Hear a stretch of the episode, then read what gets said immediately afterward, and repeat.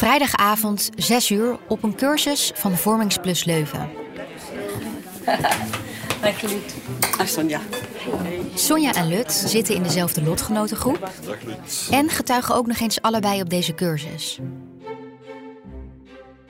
Lut, hoe vaak heb jij dit ding al gedaan? Oh, hoe vaak? Ja, eigenlijk van helemaal in het begin. 10 jaar, 11, 12 jaar. Ja. Zeker. Ja, ja, ja. Ik heb al een hele staat van diensten. Is de bar al open? Yes, er is koffie. Bedien u zelf. Als de cursisten binnendruppelen, neemt Sonja Lut even apart. En hoe is het, Lut? Ik zal maar zeggen goed, maar dat is niet goed. Hè. Nee, ik bedoel, zo lang in een gevangenis zitten. Nee, echt niet. Al 22 jaar bezoekt Lut dagelijks haar man Guy, Goedenavond iedereen. Eh, ik ben Lut. die levenslang vastzit in de gevangenis van Leuven. Ik heb mijn eh, man leren kennen toen hij al in de gevangenis zat. En ik ga zelf al ehm, 22 jaar naar de gevangenis. 22 jaar. Dat zijn 264 maanden, 1144 weken en 8030 dagen. Dat zijn ruim 1000 stille zondagavonden. 22 verjaardagontbijtjes. Een baby die volwassen wordt. Dat is ruim twee derde van mijn leven. We zijn nu van het jaar 20 jaar getrouwd. Hè? Hoe is het om zo lang getrouwd te zijn met iemand die levenslang in de gevangenis zit? Het zijn eigenlijk, wat het liefdesleven betreft, zijn de mooiste jaren van mijn leven. Waar word je dan verliefd op? Ik zie hem binnenkomen en, en ik wist gelijk, dat is hem. Maar voor Lut en haar man breekt een moeilijke tijd aan. Hij, heeft het daar gehad, hij zit daar moe in de gevangenis. Het gebrek aan perspectief om ooit samen buiten de gevangenis te leven begint zijn tol te eisen. Ik blijf bij hem, ik luister naar hem, maar ik dring precies niet door. Is hun liefde groot genoeg om dit te overwinnen? Ik ben Gabriella Ader en dit is de podcast Mijn kind de moordenaar. Aflevering 2. Lut en liefde.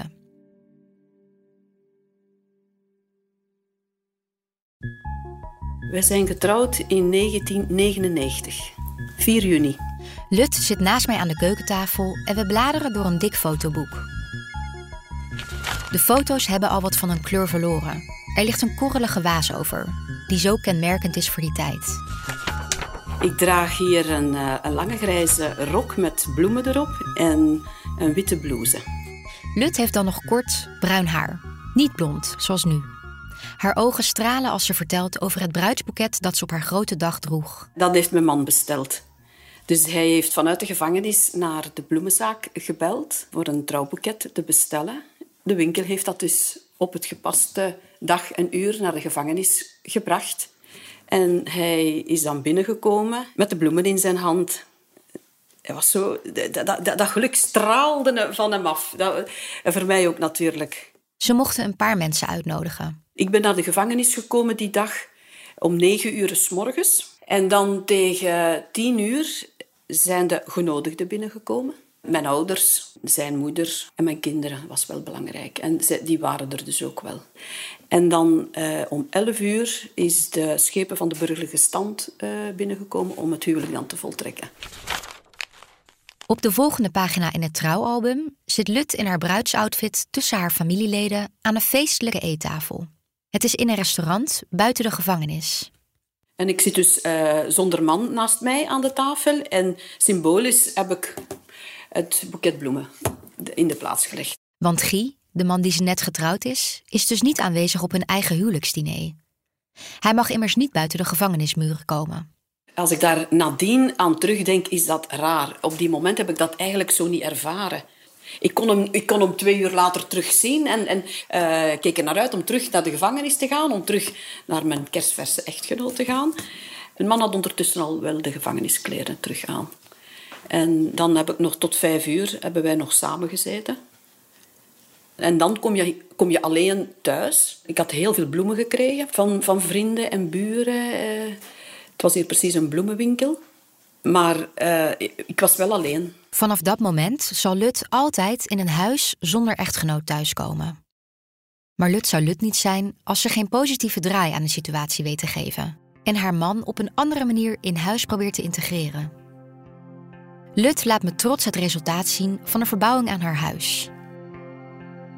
Een schouw is afgebroken, heel de vloer is uitgebroken, behangen, de trap geschilderd. De kleur van de trap is warmrood. Ik moest een keuze maken in welke kleur dat ik de trap ging doen. En dan had ik zo gedacht van, oh, zou- dat zou wel fijn zijn als ik dat eens samen met mijn man zou kunnen bespreken en kiezen. Maar hoe doe je dat? Ja, hoe doe je dat? Lut heeft er een creatieve oplossing voor. Die staaltjes allemaal van die, met die kleuren eh, had ik gevraagd om mogen een paar dagen te lenen. En dan heb ik aan de gevangenis, van de gevangenis gevraagd of dat ik dat mocht meenemen naar de bezoekzaal. En gelukkig, gelukkig mocht dat. Dat is een feestdag dan, hè. En dan ben ik, hebben wij zo samen in die, al die kleurtjes bekeken. En eigenlijk heb ik de, de keuze die mijn man gemaakt heeft, gevolgd. En dan, als ik al de schilderwerken gedaan heb, heb ik terug een foto genomen en dan eh, heb ik het hem kunnen laten zien. Guy heeft haar huis überhaupt nog nooit gezien. Ik voel zijn aanwezigheid, omdat ik weet dat hij dat eh, gekozen heeft, die kleur. We lopen naar boven, de smalle overloop over en de kleurige slaapkamer in. Ja, en er is ook nog een foto ook nog van hem. Oh, daar. En daar staat er ook nog een. Op je kastje. Het is wel lang geleden. Ja, dat is, ja, ja, dat is al een van de eerste... Ik weet ja, misschien dat we toen pas getrouwd waren. Ja. Het, het lichte blauw hemd dat hij aan heeft, zo was het uniform vroeger. In zijn gevangenispak zit Guy tegenover Lut aan tafel. Ze hebben elkaars hand vast. Hij lacht wat verlegen. Het tegenovergestelde van de altijd breed uit lachende Lut. Zoals je ook ziet, eh, hier hangen heel veel schilderijen. Ja, heel veel. Ja, 1, 2, 3, 4. Je hebt hier acht schilderijen hangen. Allemaal van hem. allemaal van hem, ja. Guy schildert met name Vincent van Gogh schilderijen na.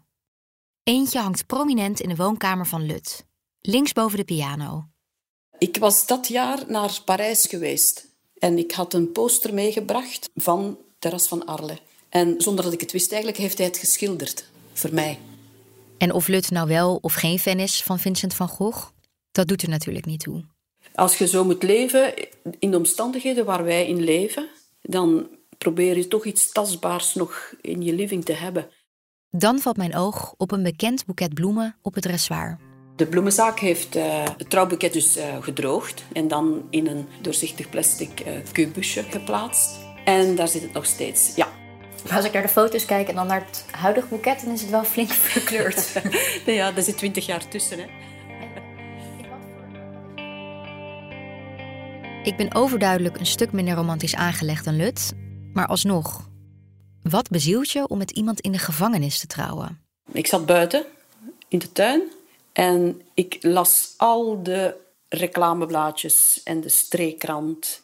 Luts oog valt op een contactadvertentie. En daar stond: gedetineerde vraagt iemand, tussen haakjes man of vrouw, om mee te praten. Lut is dan begin 40, gescheiden en ze heeft drie kinderen van 20, 19 en 10 jaar. Ze is absoluut niet op zoek naar een nieuwe relatie. Maar de advertentie raakt haar. Ik denk die, die roep van iemand van iemand om mee te praten. Ik denk dat dat zo mij getriggerd heeft. En ik zeg, dat ga ik doen. Zonder eigenlijk al te veel na te denken. Lut belt naar het telefoonnummer dat erbij staat. De moeder van Guy neemt op en vertelt dat hij een levenslange celstraf heeft. Ik heb ook niet gevraagd voor wat dat hij zat en of hoe lang hij al in de gevangenis zat en hoe lang hij nog moest in de gevangenis eh, zitten. Nee, En je wilde niet weten op dat moment waarom? nee. Twee weken later zit Lut tegenover Guy in de bezoekerszaal van de gevangenis. We zaten over elkaar en de kennismaking was heel fijn. ehm, een beetje zenuwachtig in het begin zo. Want wat vraag je aan een onbekende die levenslang vastzit? Zelf heb ik niet veel gevraagd. Hij is eigenlijk onmiddellijk beginnen te praten. Waar ik woonde en, van waar hij afkomstig was. En, maar zo een één uurtje is natuurlijk heel vlug om. En ik, ik vond van, ik ga, kom morgen terug. We gaan, we gaan dat gewoon verder zetten. Lut, die parttime werkt, houdt zich aan haar woord en fietst vanaf dan bijna elke dag naar de gevangenis in Leuven om hem te bezoeken. En wat voor haar als een vriendschappelijk, naastlievend project begon, krijgt een verrassende wending. Ik was meteen verliefd. Waar ben je eigenlijk verliefd op geworden? Zo'n knappe man, hè. En had een hele warme stem. Maar ik, ik kan er eigenlijk zo geen redelijk antwoord op geven, hoor. Dat is een, een, een explosie. Ik zie, hem, ik zie hem onmiddellijk, springt eruit voor mij.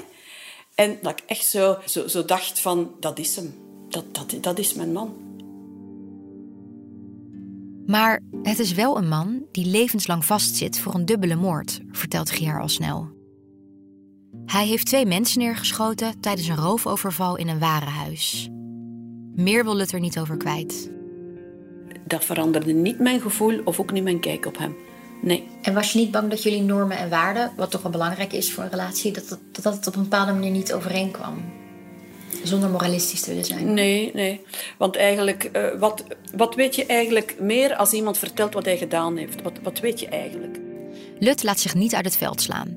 En zoekt, zoals altijd, naar positieve, mooie kanten aan iets. Of aan hem in dit geval. Hoe sta je daar nu tegenover? Uh, hoe ga je daarmee verder? Hoe ga je daarmee om? Dat vind ik eigenlijk uh, veel belangrijker dan, dan al de rest zo op een of andere manier, ik kan het, ik kan het niet goed uh, uitleggen of, of ik kan er zo direct mijn vinger in opleggen, maar ik voelde daar wel heel veel potentie. Ja. Wat ik natuurlijk allemaal niet wist was van, het zal niet makkelijk zijn. Dat wist je niet? Nee, dat wist ik niet. Want makkelijk wordt het zeker niet.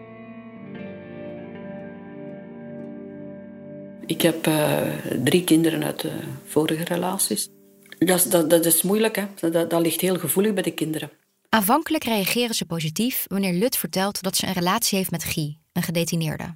De keer dat ze elkaar gezien hebben, was het goed. Was het ja, normaal contact. En ze waren ook alle drie aanwezig uh, bij het huwelijk ook. Dat was voor mij natuurlijk heel ondersteunend.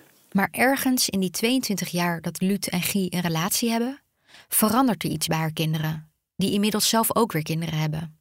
Ik, ik, kan ook niet precies zeggen wanneer het begonnen is en, en hoe het eigenlijk allemaal gegaan. Het is, het is er zo ingeslopen dat ik zo begon te merken dat onze contacten ook niet zo innig meer waren. Uh, ja, er werd me niet, niet, zo meegedeeld als er wat gaande was in hun gezin. Ik heb bijvoorbeeld uh, niet zo vaak op de kinderen gepast. En hoe maakte jij dan de koppeling naar dat het iets met je man te maken heeft? Als ik alles begon uh, uit te sluiten, zo, het kon bijna niet anders zijn dat het, dat het met hem te maken had. Zo. Maar dus, jij, jij durft het ook niet te vragen? Als je dan, als je dan eens contact hebt uh, met de kinderen, dan wil je het leuk houden. En dan uh, ja, gaat je dat een beetje vermijden. Hè. Dat maakt het ook allemaal zo, zo pijnlijk. Hè. Je kunt daar ook boos om worden. Dat je dat dus ook niet weet. Hè. Ik begrijp dat eigenlijk ook niet goed. En hoe zou je het contact met je kinderen nu omschrijven? Met, met mijn dochter heb ik terug, dat is heel recent, terug goed contact. Met de zonen heb ik geen contact. Dat, zo, ja. Lut heeft ook geen contact met de rest van de familie sinds haar ouders zijn overleden. Want ook voor hen is Luts huwelijk een taboe. Zolang dat mijn ouders uh, leefden, uh, was dat regelmatig dat wij uh, met de familie allemaal samenkwamen. Maar hier weer hetzelfde verhaal. Um, dat, dat werd nooit, nooit over gesproken. Ik heb me daar heel vaak heel, heel eenzaam gevoeld. Het was eigenlijk een vals gevoel dat ik bij de groep hoorde. En daar hoort Lut dus daadwerkelijk niet meer bij. Met kerst ben ik meestal alleen. Met nieuwjaar ook vind dat heel erg voor mij. Ik vind dat, ja. Maar ik probeer het er beste van te maken en, en maak mezelf iets, iets klaar voor lekkers voor te eten. Ik verwend me dan wel een beetje. Ja, doe dat wel, ja. Doe het dan wel zo op die manier.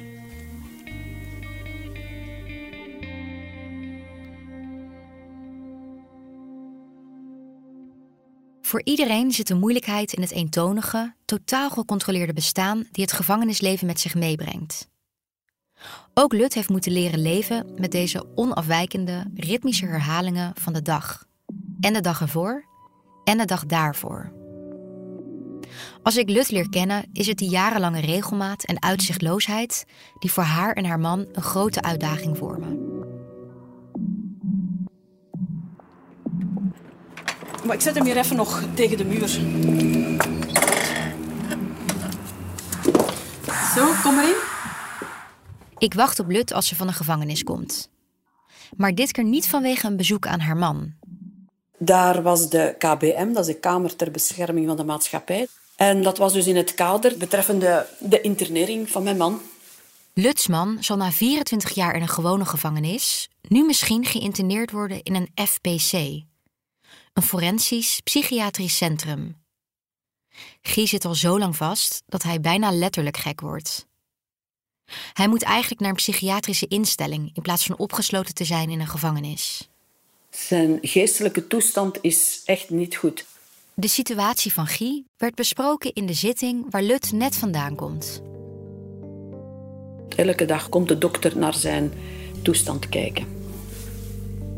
Soms praat hij zo verward onbestaande woorden uh, uitkramen. Hij eet niet meer. Hij is broodmager geworden. Ik blijf bij hem, ik luister naar hem, maar ik dring precies niet door. Eén keer weigert hij zelfs te komen wanneer Luther is. Dus ik zat in de bezoekzaal en, dan is, en ik bleef maar wachten en hij, is, hij, hij kwam niet. En dan is de, uh, de beambte mij komen zeggen dat hij niet op bezoek komt. Waarom niet? Dat weet ik niet. Ze schrikt vooral. Meer nog dan dat ze boos is. Guy keert zich steeds meer terug in zijn eigen wereld. Hij sluit zich af, hij sluit zich af. Guy zegt tegen Lut dat hij het liefst zou slapen, om dan niet meer wakker te worden. Ik denk niet dat hij het zou doen, maar je weet nooit.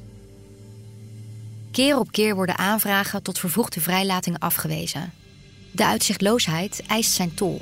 Hij heeft het daar gehad, hij zit daar moe in de gevangenis. Niks zelf kunnen doen, niks zelf kunnen beslissen al zo lang. Dat leidt tot spanningen en frustratie bij Guy. En dus automatisch ook bij Lut. Dat maakt mij verdrietig en ik kan begrip uh, ervoor tonen. Ik probeer hem wat moed in te spreken. Van, uh, dit, is een, dit is een zeer, zeer moeilijk stuk. Maar we moeten daardoor. Ben jij dan niet uitgeput? Ja, dat is... Ja, dat weg door, ja. Inderdaad, ja. Soms kan ze ook plots ontzettend kwaad worden. Bijvoorbeeld als Guy geen contact met haar maakt. En dan heb ik ondertussen zijn handen vasten. Dan zeg ik, weet je wat dat jij zei? Een ondankbare, schruftige hond. Sorry dat ik lach. Maar goed, dat zijn frustraties die zelfs de immer positieve Lut soms iets te veel worden. Het enige wat ik kan doen, dat, dat is zeggen van ik kom niet meer. Hè. Ik kom niet op bezoek. Hè.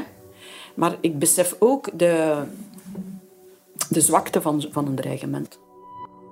Als Guy wordt geïnterneerd en dus van een gevangenis naar een FPC gaat, lijkt zijn kans om uiteindelijk vrij te komen een stuk groter. Ik hoop natuurlijk dat hij buiten komt, maar ik weet dat dat voor de ogenblik geen optie is. Dus ik hoop dat hij dan geïnterneerd wordt. Ja. En ik denk ja, dat het toch infrastructuur en behandeling beter is dan de gevangenis.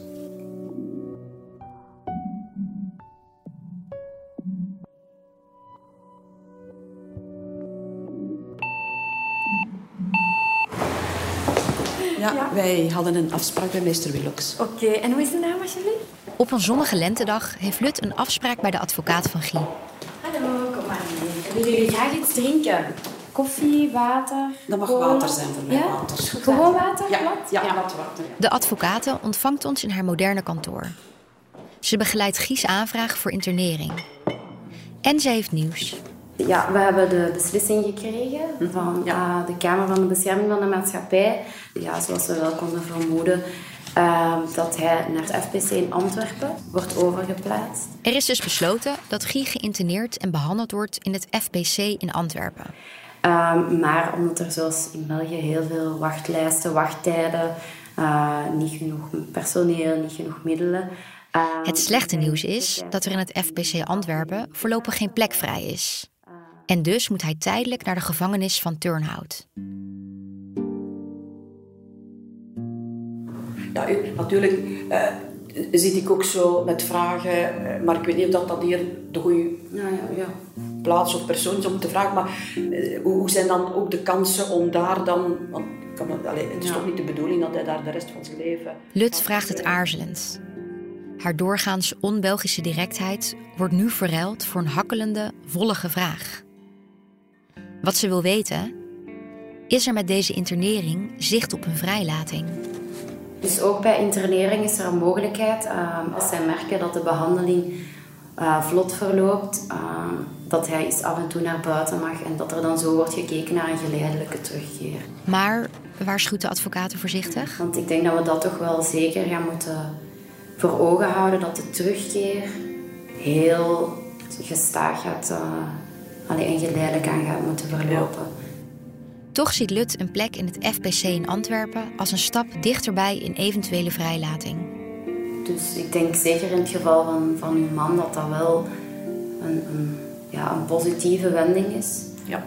Uh, toch iets meer vooruitzicht, uh, meer toekomstperspectief. Ja, zo ervaar ik het ook. Ja.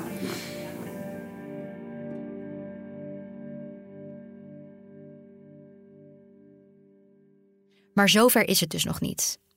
Voorlopig gaat Guy naar de gevangenis in Turnhout. Een paar weken na het gesprek bij de advocaat ga ik met Lut mee.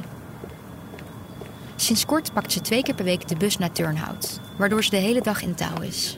Goedemorgen. Morgen. Op een frisse morgen sta ik al vroeg bij het busstation om met Lut mee naar het eerste bezoek in Turnhout te gaan. Volgens mij Ja? is de eerste... Oh, het is niet waar. Kijk, ja. Oh nee, het is paasmaandag en ik heb niet nagekeken. Helaas, de bus rijdt helemaal niet zo vroeg op paasmaandag. Uh, we kunnen met de trein ook gaan, hè. Ja, wat handiger is. We staan wat moeilijk te doen op het station. 7 uur en 11, want die gaan we niet meer halen. 7 uur 36 via Brussel? Uiteindelijk zitten we in de trein, waar Lut me voorbereidt op de detectiepoorten bij de ingang van de gevangenis. Ik BH mijn beugel aan, want dat, gaat, dat piept, dat moet je uitdoen, hè. Ah, nee. Ja, ja, ja, ja, ja. Ik heb twee soorten BH's thuis, hè, met en zonder beugelen. Dus voor de, de gevangenis-BH's, de andere, echt waar. Ja. Als je piept, ja, dan moet je die BH uitdoen. En ook op de band leggen. Nee. Ja, ja, ja, ja, ja. ja. Ik begin nu een beetje in paniek te raken. ja, echt waar. Dat is echt waar. Lut ziet er vandaag weer onberispelijk uit. Ze heeft haar korte blonde haren gefeund, een mooi blauw jurkje aan en draagt lichte make-up. Om haar hals draagt ze een van haar vele kleurige kettingen, die bij de outfit van die dag is afgestemd. Hoe dichter we bij Turnhout komen, hoe nerveuzer ze raakt. Zelfs na 22 jaar. Het is altijd een beetje vuurwerk, hè, als je elkaar ziet. Hè. En we mogen elkaar dus begroeten, elkaar vasthouden, een kus geven. En dan moeten we aan de tafel gaan zitten. We zitten dan over elkaar. We mogen elkaars hand vastpakken, ja. Maar uitgebreid knuffelen en kroelen in de bezoekerszaal is er voor Lut en Guy niet bij. Je mag niet, niet recht staan en, en nog op zijn schoot gaan zitten. Dat, dat, Zo'n dingen dat mag allemaal niet, hè. Het maakt hun liefde niet minder groot daarom. Na 22 jaar is dat nog altijd even heftig. En, maar misschien nog ruimer en voller geworden. Zo. Je bouwt ook veel uh, mooie zaken op samen. Wat voor mooie zaken bouw je dan op? Want je maakt niet heel veel mee samen. Nee, wij, wij kunnen het inderdaad niet over, over vakantieplannen. En, en, nee, wij moeten het van onze gesprekken hebben. Hè. Alles moet gezegd worden. Hè. Een relatie waarin je goed kan praten is natuurlijk belangrijk. Alleen dat kan ook met je vrienden of je zussen. Ik ben al een tijdje nieuwsgierig naar dat andere, minstens zo'n belangrijk aspect in een liefdesrelatie. Ongestoord bezoek, ja, we kunnen ongestoord bezoek aanvragen. Maar het moet op tijdstippen gebeuren, niet die jij kiest, maar die een ander voor u kiest. Nee, romantisch is het niet. Uh, in Turnhout, dat kamertje, is ook niet om over naar huis te schrijven. Lut noemt het een soort bezemkast. Daar staat een zetel die je kan omvormen tot een bed wat sanitair voorzieningen, dus een toilet, dus een douche. Allemaal in het zicht. Er brandt licht, een theelamp. De sfeer uh, is niet om echt uh, aantrekkelijk gemaakt om, uh, om... Nee, echt niet. Nee. Maar je verlangt toch naar elkaar, denk ik dan? Het verlangen is er zeker, ja. En dat kan frustraties opwekken. En soms ook op momenten dat je thuis alleen bent. Ik kan me wel voorstellen dat je denkt... Goh, uh, ik ga op zoek naar een man waarmee ik wel op zondag door het bos kan lopen. Of waarmee ik wel, weet ik veel, een weekend naar Parijs kan. Ik zeg niet dat ik, dat, dat ik die gedachten niet heb, maar het, zijn, het is oppervlakkig. En daarmee wil ik niet zeggen dat er het aanbod niet was. Dat er de gelegenheid niet was. Maar uh, mijn hart lag bij mijn man. En dat was zo overduidelijk. Die ochtend wandelen we naar een enerverende treinreis richting de gevangenis van Turnhout. Het ziet er bijna middeleeuws uit met die rood-bruine bakstenen, de hoge muren. De muren, ja. Heel herkenbaar voor gevangenissen. Hè. De muren. Nee. nee. Daar gaat iemand met een rolstoel buiten. Ge... Ah. Het eerste bezoekuur is afgelopen. De mensen passeren ons als we het binnenplein overlopen. Het is uh, weer drukken op de knop. Wacht tot de deur open gaat. Ah, dat is goed. Ik kan naar buiten. Ik zie hoe buiten. Links zijn de lokkers, want we moeten hier alles opbergen. Handtas, gsm, sleutels. We melden ons aan bij het onthaal. Waardoor paasmaandag een grote rij bezoekers staat te wachten. Het zijn voornamelijk vrouwen en enkele kinderen. Het is niet altijd zo. Hè. Soms is het hier muisstil ook zelfs. Daarna gaan we door de controlepoortjes. Schoenen weer aan? Ja. Geen BH-gedoe, gelukkig. We wandelen door de gangen die ons uiteindelijk leiden tot de wachtzaal. Oeh, wat drukte. De ongezellige, bedompte, kleine zaal zit helemaal vol. Er zijn slechts een paar vrije plekken over. Ik word al snel ongeduldig. Hoe lang is het nog?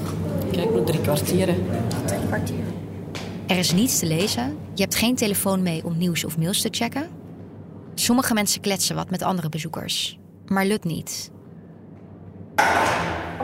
Dan gaat de deur open en word ik de wachtkamer uitgevist. Ah, oké. Oh, mag, mag ik dat wel even zeggen? Want ze denkt nu, waar ga ik heen? Ik mag niet verder mee, maar ik wil wel heel graag weten hoe Lut zich voelt na zo'n bezoek. Daarom wacht ik haar buitenop na het bezoekuur. Want ik wil natuurlijk weten hoe het was. Het weerzien was eh, een beetje vuurwerk weer al. hè. Als ik hem dus zag, was het... Het was fijn om elkaar weer te zien, maar Lut maakt zich zorgen om zijn mentale gezondheid. Hij heeft heel veel gepraat, maar het was vooral ventileren dat hij deed. Het is eigenlijk niet goed met hem. Hè. Hij is heel erg beschadigd. Hij moet zo snel mogelijk naar het FBC in Antwerpen voor een goede behandeling. Ik voel me daar... eh, ik voel de onmacht. En waar het zicht op een eventuele vrijlating dichterbij komt. Dat, blijf, ik, dat blijf ik altijd eh, verwachten en hopen. Nu we daar zo buiten in de zon staan, na inmiddels veel opnamedagen samen, ga ik haar de vraag toch stellen. Maar er is natuurlijk ook een kans dat hij überhaupt niet meer vrijkomt. Dat is ons niet meegedeeld. Nee, het is nooit meegedeeld dat hij nooit vrijkomt. En gevoelsmatig denk ik dat hij gaat buitenkomen. Gevoelsmatig heb ik een soort gevoel dat hij gaat buitenkomen, ja. Ja. Ik heb zelfs heel sterk dat gevoel dat hij gaat buitenkomen, ja. Al is het geen conventioneel huwelijk, liefde is het zeker wel. En die liefde tussen Lut en haar man gaat zo diep dat er vooruitzichten worden gezocht, zelfs als die nog zo ver zijn. Al is het niet de relatie die ik zelf zou najagen, toont Lut me wel dat je zelfs in de gevangenis iemand kan liefhebben. En andersom kan je ook houden van een persoon om die persoon zelf, ondanks wat hij gedaan heeft. Heb je hulp nodig? Het is 4 juni 2019. Mag hier misschien wat in? De nootjes hier? Terwijl ik borrelnootjes in een kommetje gooi, gaat de bel onafgebroken. Er druppelen allemaal mensen het huis van Lut binnen, waaronder Sonja en haar man. Lut viert samen met Sonja en zo'n acht andere leden van een lotgenotengroep haar 20-jarige huwelijksjubileum. Dit zijn allemaal vaders, moeders of partners van gedetineerden. Dan ga ik, dan ga ik de glaasjes uitschenken. Hè. Dan gaan we knallen, hè. Ja. Dat we toosten op de goede dingen van het leven. Hè. Ja, dankjewel.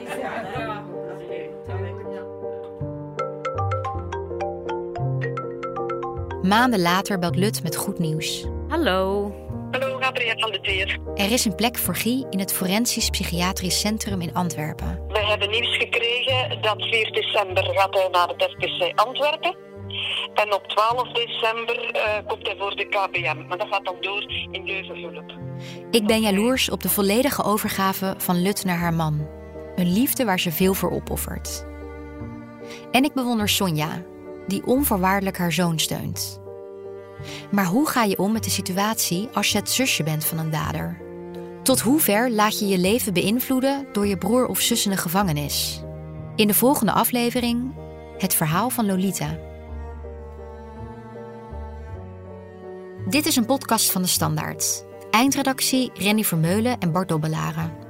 De muziek werd gecomponeerd door Arie Visser. Arno Peters verzorgde de mixage.